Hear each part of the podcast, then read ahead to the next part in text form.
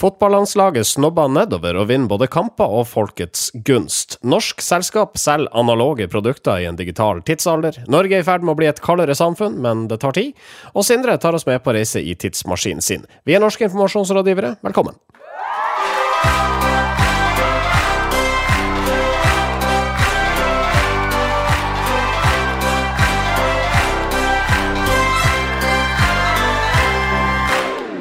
Denne sendinga presenteres av medieovervåknings- og analyseselskapet Retriever. Mitt navn er Marius Skjerve Staulen. Jeg er med meg Sindre Holme og Marius Torkelsen. Hallais, gutter. Ja visst har du det. Hei, hei, hei. God dag. God dag, og vi går rett på sak her. For det har vært drama borte hos TV 2 i Premier League-studioet etter kampen mellom Cardiff og Brighton. Stilte programleder Jan Henrik Børsli et spørsmål til fotballekspert Trevor, Trevor Morley, og Morley likte ikke spørsmålet, så han kjefta seg til rødt kort. Hva tenker Neil Warnock nå, Trevor? It's a shit question. Shit You're always asking him. You're asking decent questions. You give me like shit questions. You're out. Are you serious? Jeg er seriøs. Jeg gidder ikke høre på det der surret der. Are you serious? Ja, hvor, ah, You want me går- out? Hei! Who, uh, who, who, said, who said you could get me out? Talk to the hand. Herre min. Dramatisk. Eh, eh, Trevor Morley, som jo noen husker som tidligere Brann-spiller og Premier League-spiller. Og Westham, ja. Han syntes det var et utrolig idiotisk spørsmål. Det ble stilt hva Cardiff-treneren tenkte etter eh, kampen mellom Cardiff og Brighton. Ja, for det er jo et idiotisk spørsmål òg, da. Det er veldig vanskelig å vite. Å være inni hodet på andre, det kan man ikke være. Men det var noe som slo meg. Det er litt spesielt, selv om det er en fotballsending, at programlederen har et rødt kort og et gult kort med seg. TV 2 har jo vært gjennom en ganske heftig eh, metoo-periode. Så dette er jo et tiltak eh, egentlig tenkt at eh, kvinnelige medarbeidere kan gi gule og røde kort til de mannlige Ja. som går over streken. Men her har altså da Børsli fått tak i noen av disse metoo-korta. Eh, og misbruker dem da. Jeg reagerer sterkt på det, for dette er- setter eh, kvinnekampen tilbake. Eh, med opptil flere måneder. Og, og, og det liker jeg ikke. Nei, men det, det, setter kvinnekampen tilbake sånn litt før Trond Giske. ja, det er sånn Ja, det er omtrent ett år, da. Eh, men det, er jo, det er jo litt morsomt da, at de gjør dette her. Sånn Ja, for det, altså, det er en sketsj. Ja, ja, det er jo det er ikke, ingen, av de er skuespillere. Eh, og den derre beepinga bom litt og sånn. Ja, eh, og, og, og la merke til en ting. Altså, han får lov til å si shit og greier i begynnelsen, og så begynner de å sensurere. Ja, men de klarer ikke å gjøre det real time, vet du, Å sensurere. Men så er det en sikkerhetsvakt, liksom. Altså sikkerhetsvakter, står de rett utenfor studio? Ikke hos Eh, TV 2. Nei, jeg tror ikke det. Kanskje amerikanske nyhetsredaksjoner har det. Kanskje CNN har det nå, eh, av gode grunner. Ja. TV 2s kommunikasjonssjef Jan Petter Dahl eh, sier til Aftenposten det her var en humoristisk spøk. Man tenkte det var en morsom måte å sende Morley ut av studio på. Jeg håper alle tok spøken som den var. Om de ikke gjorde det, så beklager vi. Oi, du beklagde uten at noen har det hele tatt reagert. Ja. For sikkerhet skyld, hvis noen, eh, noen reagerer, så bare si at vi har beklaget. Vi har lagt oss flat før noe har skjedd. Han eh, Jan Henrik Børsli har faktisk en litt morsom eh, Instagram-konto som jeg anbefaler folk å følge, der han parodierer, litt sånn Herman Flesvig-aktig, der han tar på seg fjeset til andre og parodierer det. Har en veldig bra Hans-Wilhelm Steinfeld-parodi. Og så klarer han å parodiere ganske mange fotballtrenere også. Ja. Så det er sikkert hans påfunn, tenker jeg. En spøkefull det der, tror jeg. Når du sier ta på seg fjeset, hva mener du med det? Du vet at du legger på et sånt ansiktsfilter, eh, sånn som man kan gjøre på, på Snapchat. Hvis dere vil høre mer av dette, her, så kan dere høre den nye podkasten vår Tech Talk med Sindre og Marius. og hver uke vi, tech, vi diskuterer den heftigste techen og talker til vi er ferdig med det. Der jeg febrilsk forsøker å sette meg inn i de nyeste dillene.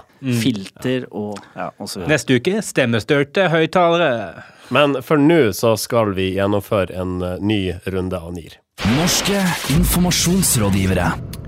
Omdømmet til fotballandslaget er på vei oppover, viser nye målinger fra sponsor Insight. Ifølge kommunikasjonsdirektør Svein Graff er det flere årsaker til det.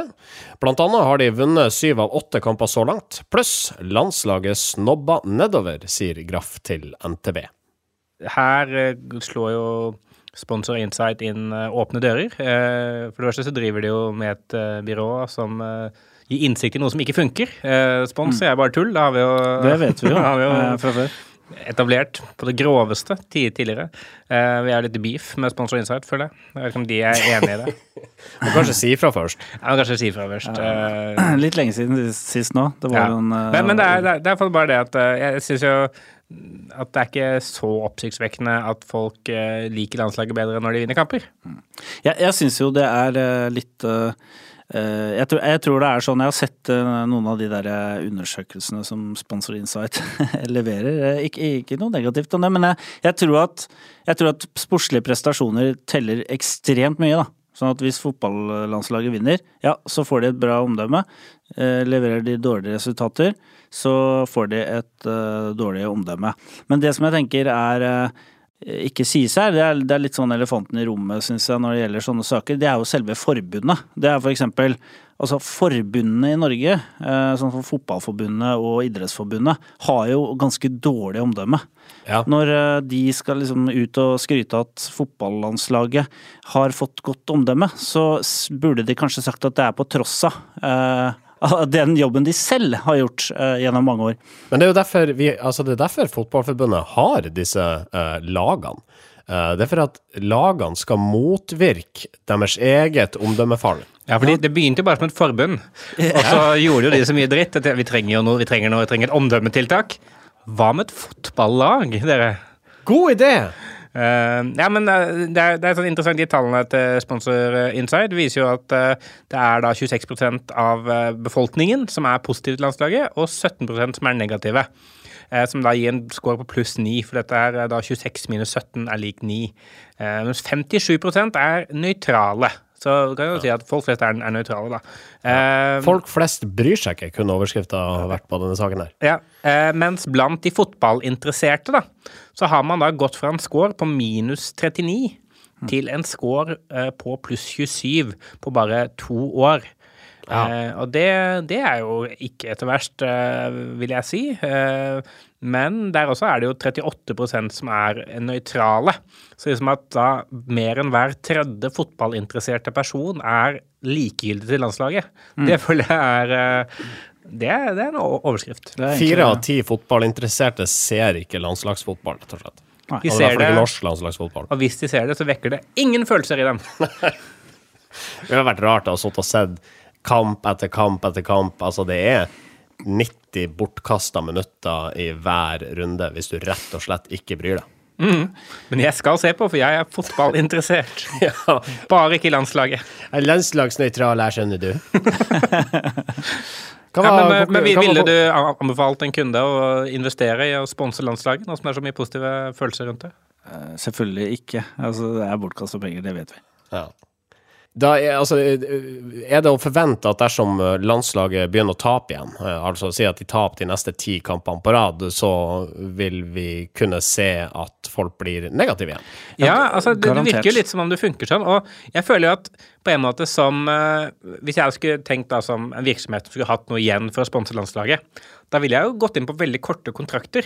Ja. Jeg vil ikke tegne en sånn der generalsponsoravtale over flere år, for dette svinger jo noe sykt. Da vil jeg behandle det som et børsmarked.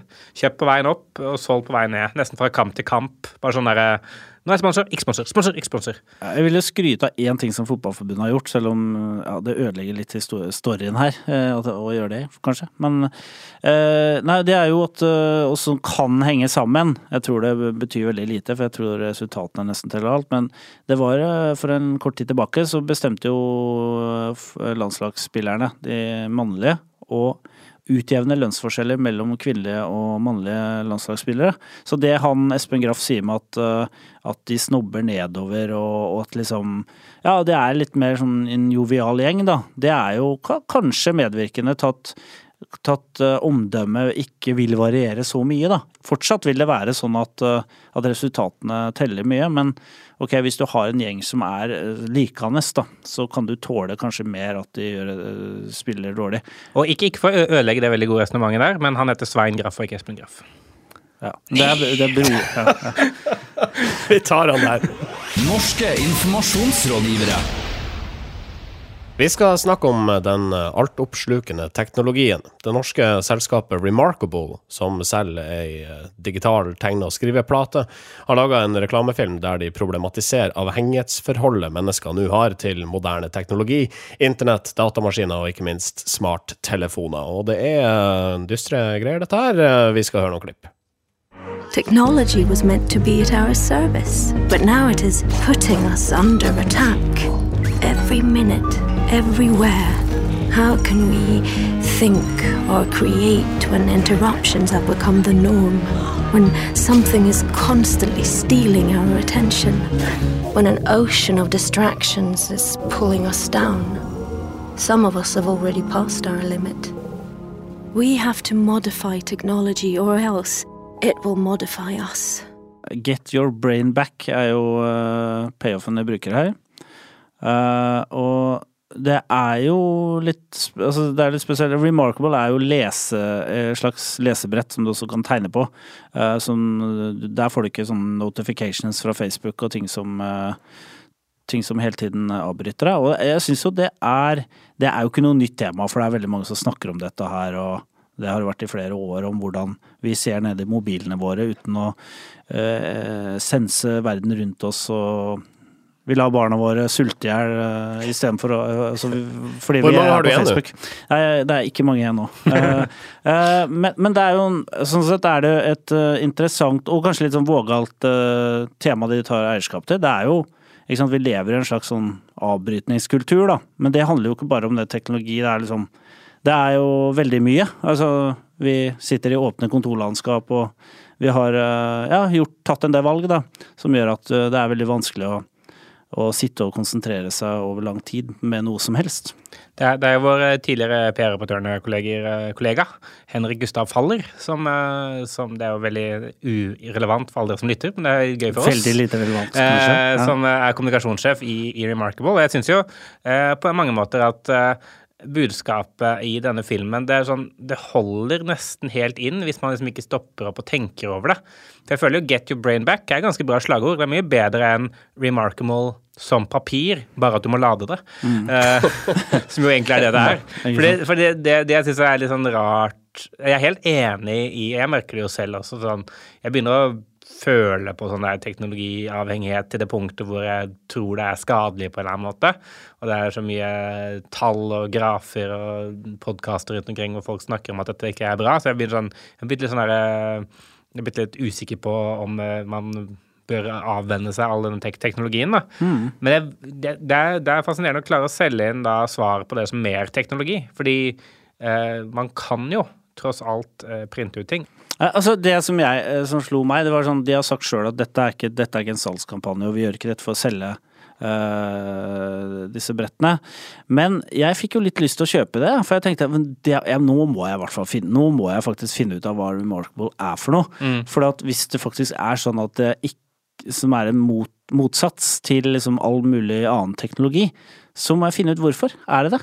Er det virkelig det? Uh, det tenkte jeg også å skrive av på uh, NIR-regninga og den in, in, ja, investeringen der. Du får fratrekk på skatten òg, Ja, jeg tror det. det. Jeg tror det er SkatteFUNN, er det ikke det? Støtt oss på Patreon hvis du vil at Sindre skal kjøpe en remarkable brett. Men altså, det, det, det koster 6000 kroner, den her enheten her. Og jeg har, jeg har jo ikke prøvd den. Jeg har ikke lest mm, tilstrekkelig om den, uh, merker jeg. For, men det, er altså, det er ikke noe tastatur her. Nei, og er jo Det er jo en notatblokk, bare forskjellen er at du kan dele notatene dine digitalt. Og du kan tegne på den, og det er det at uh, det, minner jo litt? Det minner jo litt om øh, for eksempel Samsung sine telefoner og nettbrett, som er sånn du kan tegne på, de også. Eh, bare, at- bare at dette er litt mer papiraktig. Det det skal se Det skal føles analogt. Jeg tror liksom de prøver å få det til å, til å føles som, sånn, som en Kindle, på en måte. Og du kan jo si at de som kjøper Remarkable, er nok de som bruker mest teknologi og er kjappest ute med å ta i bruk ny teknologi. Så sånn sett er det litt spesielt uh, uh, å, å ha dette budskapet. Samtidig så er det liksom er jo Men samtidig, øh, hvis de er ute etter å nå liksom den derre øh, early adapter-målgruppa, så er det kanskje den eh, tilbøyelig til å tenke sånne tanker, da, som de, eh, som de er opptatt av. Om at liksom, ja, kanskje jeg nå skal liksom koble av, eller logge av, som eh, Thomas Moen eh, skrev en bok om. Så de snakker til early adapters som eh, altså per definisjon er teknologifreaks. Så de leter etter de teknologifreaksene som er enig i premisset de setter for reklamen, men som ikke nødvendigvis etterlever det. Ja, det må være Yes. folk som elsker teknologi, men som hater at de gjør det. Norske informasjonsrådgivere. Så skal vi til eh, de hippe og ironiske redaksjonslokalene til Natt og Dag. Der borte har de også tilgang til medieovervåkningsverktøyet Retriever. Eh, Og med det så har de laga en sak med den konklusjonen at Norge har blitt i ferd med å bli et kaldere samfunn siden 80-tallet. Det var ei knotete setning, merker jeg, men eh, vi får la den stå. Det er den eneste måten å si den setninga på, faktisk. Kanskje det er det. Men eh, ja, nei, Natt og Dag eh, har jo gjort et uh, dypdykk i medieanalyseverktøyet Retriever, tror jeg, ut ifra interfacet på den tabellen de, de limer inn Ja. i saken sin. Og det de har funnet ut, er jo det at uh, det har vært snakk om at vi er i ferd med å få et kaldere samfunn nå i over 30 år. Eh, det Ja, er, det har vært mye av, det, av, av sånne type saker i media den siste tida, kan vi vel si. Ja, ja. Det, altså, det, det er jo det som er bakgrunnen for det. At det har vært mye sånn der eh, var under valgkampen i, i fjor, eksempel, så var Gahr Støre veldig redd for det. Eh, og, og det er jevnlig, eh, nå, nå som det har vært abortdiskusjoner og osv., så, videre, så så er folk redde for at det er blitt kaldere samfunn. Og det er jevnlig sånne kronikker og debattinnlegg hvor folk stiller dette relativt åpne spørsmålet og konkluderer ja. Det har blitt et kaldere samfunn. Men dette er ikke, er ikke et nytt grep, da. For det synes jeg var veldig morsomt med den Natt og Dag-saken. At eh, her har de eh, faktisk gjort et eh, dypdykk og funnet saker helt tilbake til 1984, hvor, eh, hvor man eh, stiller akkurat det samme spørsmålet. Eh, den gang så var det da i Aftenposten hvor man eh, spør om den manglende respekt for eldre er et tegn på at vi er i ferd med å få et kaldere samfunn. Eh, og siden det så har det jo vært eh, for Fremskrittspartiet for jevnlig skylda eksempel eh, i 1990 fikk Fremskrittspartiets kriminalitetspolitikk eh, ansvaret, eller skylda, for å skape et kaldere samfunn. Kronprinsesse Sonja fikk også skyld Eller hun, har oppdaget at samfunnet har blitt kaldere. Og det kan bli enda kaldere, konkluderer hun med i en sak eh, i, i VG eh, i 1995. Det tydeliggjør veldig at, at uh, dette her er et retorisk grep, først og fremst, ikke nødvendigvis en korrekt observasjon av virkeligheten. Ja. Men eh, det, det, det, det er jo gøy å, å, gjøre disse søkene i Retriever. Jeg har tidligere søkt opp, eh, og jeg husker ikke om vi snakka om det i sendinga, dette 'nører oppunder'. Og det var da et sånt begrep som ble brukt eh, når Arbeiderpartifolk påstår at det eksisterer et hat ute i samfunnet mot Arbeiderpartiet. Nører oppunder hatet, f.eks. I 2018 så har begrepet eller altså delsetninga 'nører oppunder' vært brukt 611 ganger. Eh, Det er tre ganger så mye som i 2017. Bare for å ta et eksempel. Og tilbake i, på, i 94 så var det bare 14 ganger nevnt i aviser at noe nører opp under noe. Ja, så det har vært mye nøring oppunder begrepet nører oppunder, da. Eh, Disse kronikkforfatterne nører oppunder det. Ja, ikke sant? Jeg, jeg, jeg reagerer også litt på det som jo er, er eh, regelrett tyveri av uh, spalter. Eh, det, for det er, også, det, det er i ferd med å skape et uh, kaldere samfunn, hvis vi bare kan stjele retriever-baserte spalter, eller det konseptet fra hverandre, sånn at Dag åpenbart har gjort, eller Ludvig Furu, da, i eh, Natt og Dag har gjort eh, fra, fra meg, fra undertegnede. Ja, for dette er jo nesten flatindeksen, det er det du eh, Ja, dette er jo kaldere samfunnsindeksen, holdt jeg på å si. Det, jeg jeg eh, setter jo ikke pris på det. Eh, og, og jeg reagerer eh, kraftig. eh, og og blir, blir forbanna. Samtidig som jeg også må ta av meg hatten eh, for Ludvig Furu. For han har faktisk valgt å skrive det ned i en artikkel, og ikke bare si det usammenhengende i en spalte i podkast. Du er glad og sint samtidig. Jeg er glad og sint samtidig. Eh, det er, jeg er en heftig motsettelse. Det er, det, er, ja, det er vel litt som en far. Altså, han hater jo sine barn, men eh, samtidig respekt for det også. Ja. Altså jeg, skal, jeg, jeg får- foreslår en ny spalte hvor vi skal begynne å ha sånn frekke intervjuer med folk som er eh, aktuelle i dagsmedia. Gutenberg, pergamentrull, Tresko, brevdue, elektronikk, fax, Nintendo 8-bit. CDR, Ja, ja, jeg sender pressemeldingen på Telex. Sindres tidsmaskin. Yes, vi skal ut og reise igjen. Er kofferten eh, pakket?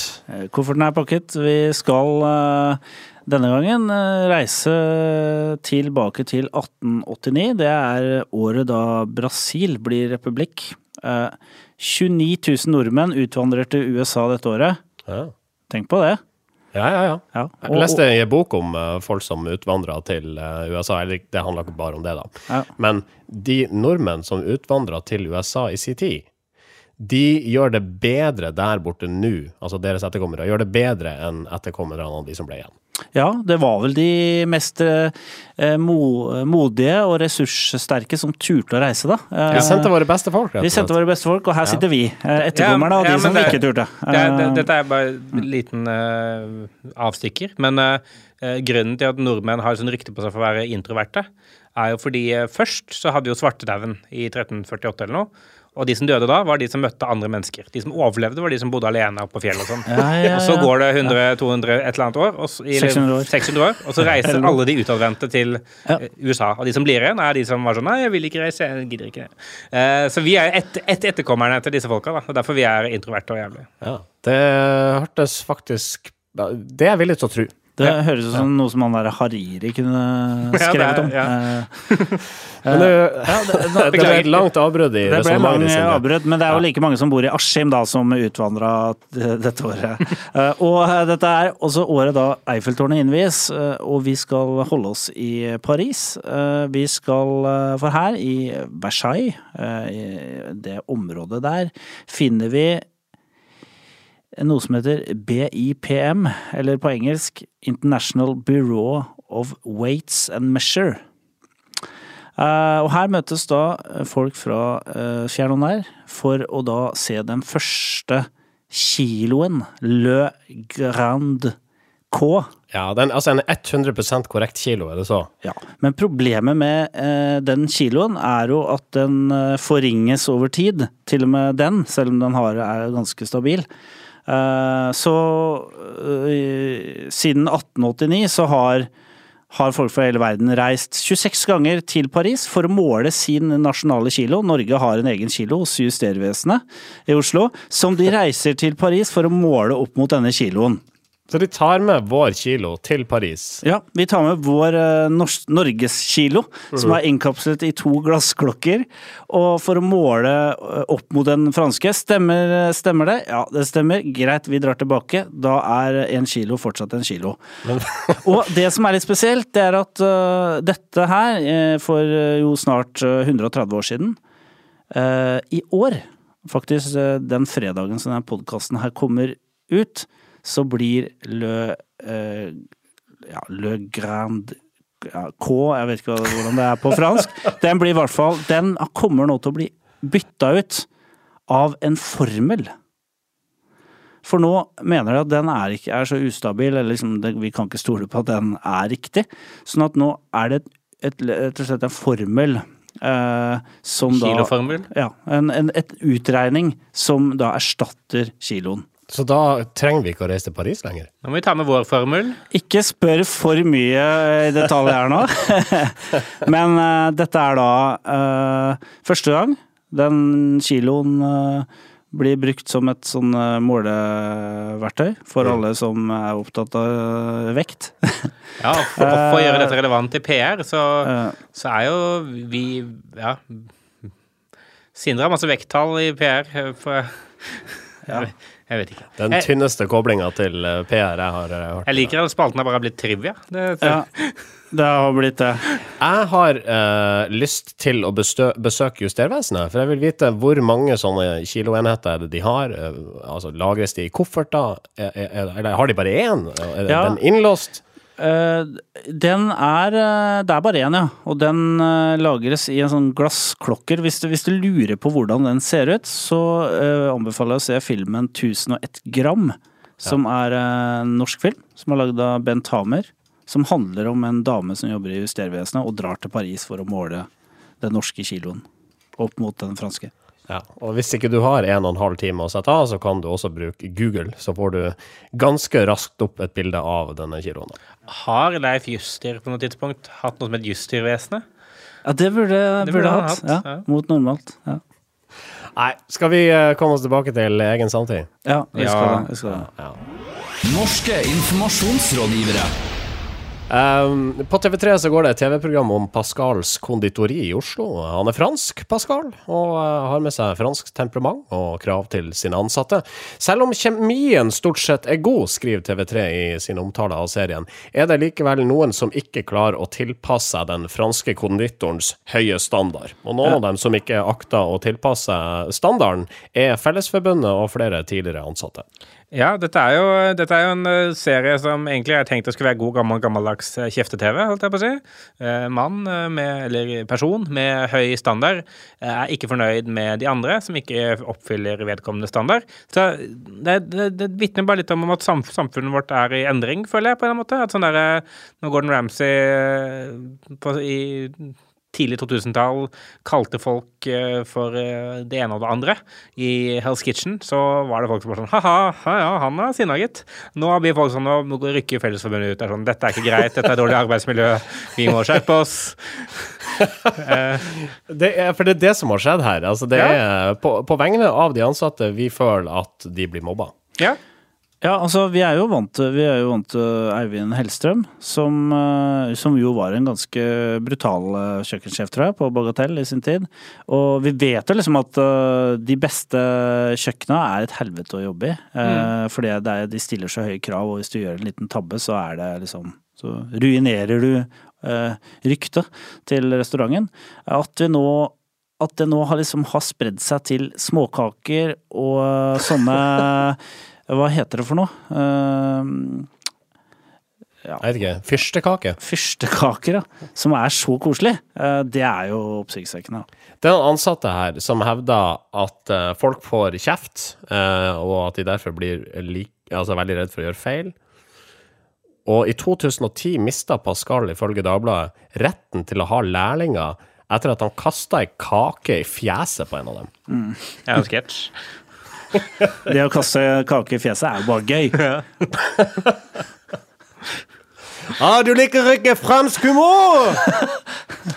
OK, jeg tror vi må sette en uh, strek. Jeg- jeg tror- eh, Jeg tror det er vel bare til alle som ønsker en litt sånn behagelig hva skal jeg si, eh, avslutning på uka, og, og høre på noe litt rolig nå, så vil jeg anbefale å høre på lydloggen til eh, til eh, vaktsentralen på Feie. Eh, For eh, maken til rolig rolig. passiar eh, om noe som er utrolig dramatisk, har jeg aldri hørt. Ja. ja, men da blir det kollisjon, da. Ja, Da blir det kollisjon, da. Ja, vi drepte. Ja, jeg ringer slepebåtene. Det er godt tips fra Sindre Holme. Norske informasjonsrådgivere spilles inn i studioene til Moderne Media, en av landets største produksjonsmiljøer for podkasts. Du finner dem på modernemedia.no. Oss finner du på facebook.com slash nearcast, og hvis ikke du liker iTunes eller en annen podkastavspiller, så kan du alltids høre oss på soundcloud.com slash nearcast. Um, vi tror vi er tilbake neste uke. Vi, det, altså det er brakt på det rene at vi må hente inn en vikar hvis vi skal få det til, så vi får vel se. Det får vi se. Ja. Uh, så uh, fram til vi høres igjen. Ha det, Det bra, bra. min venn. Greit. Norske informasjonsrådgivere.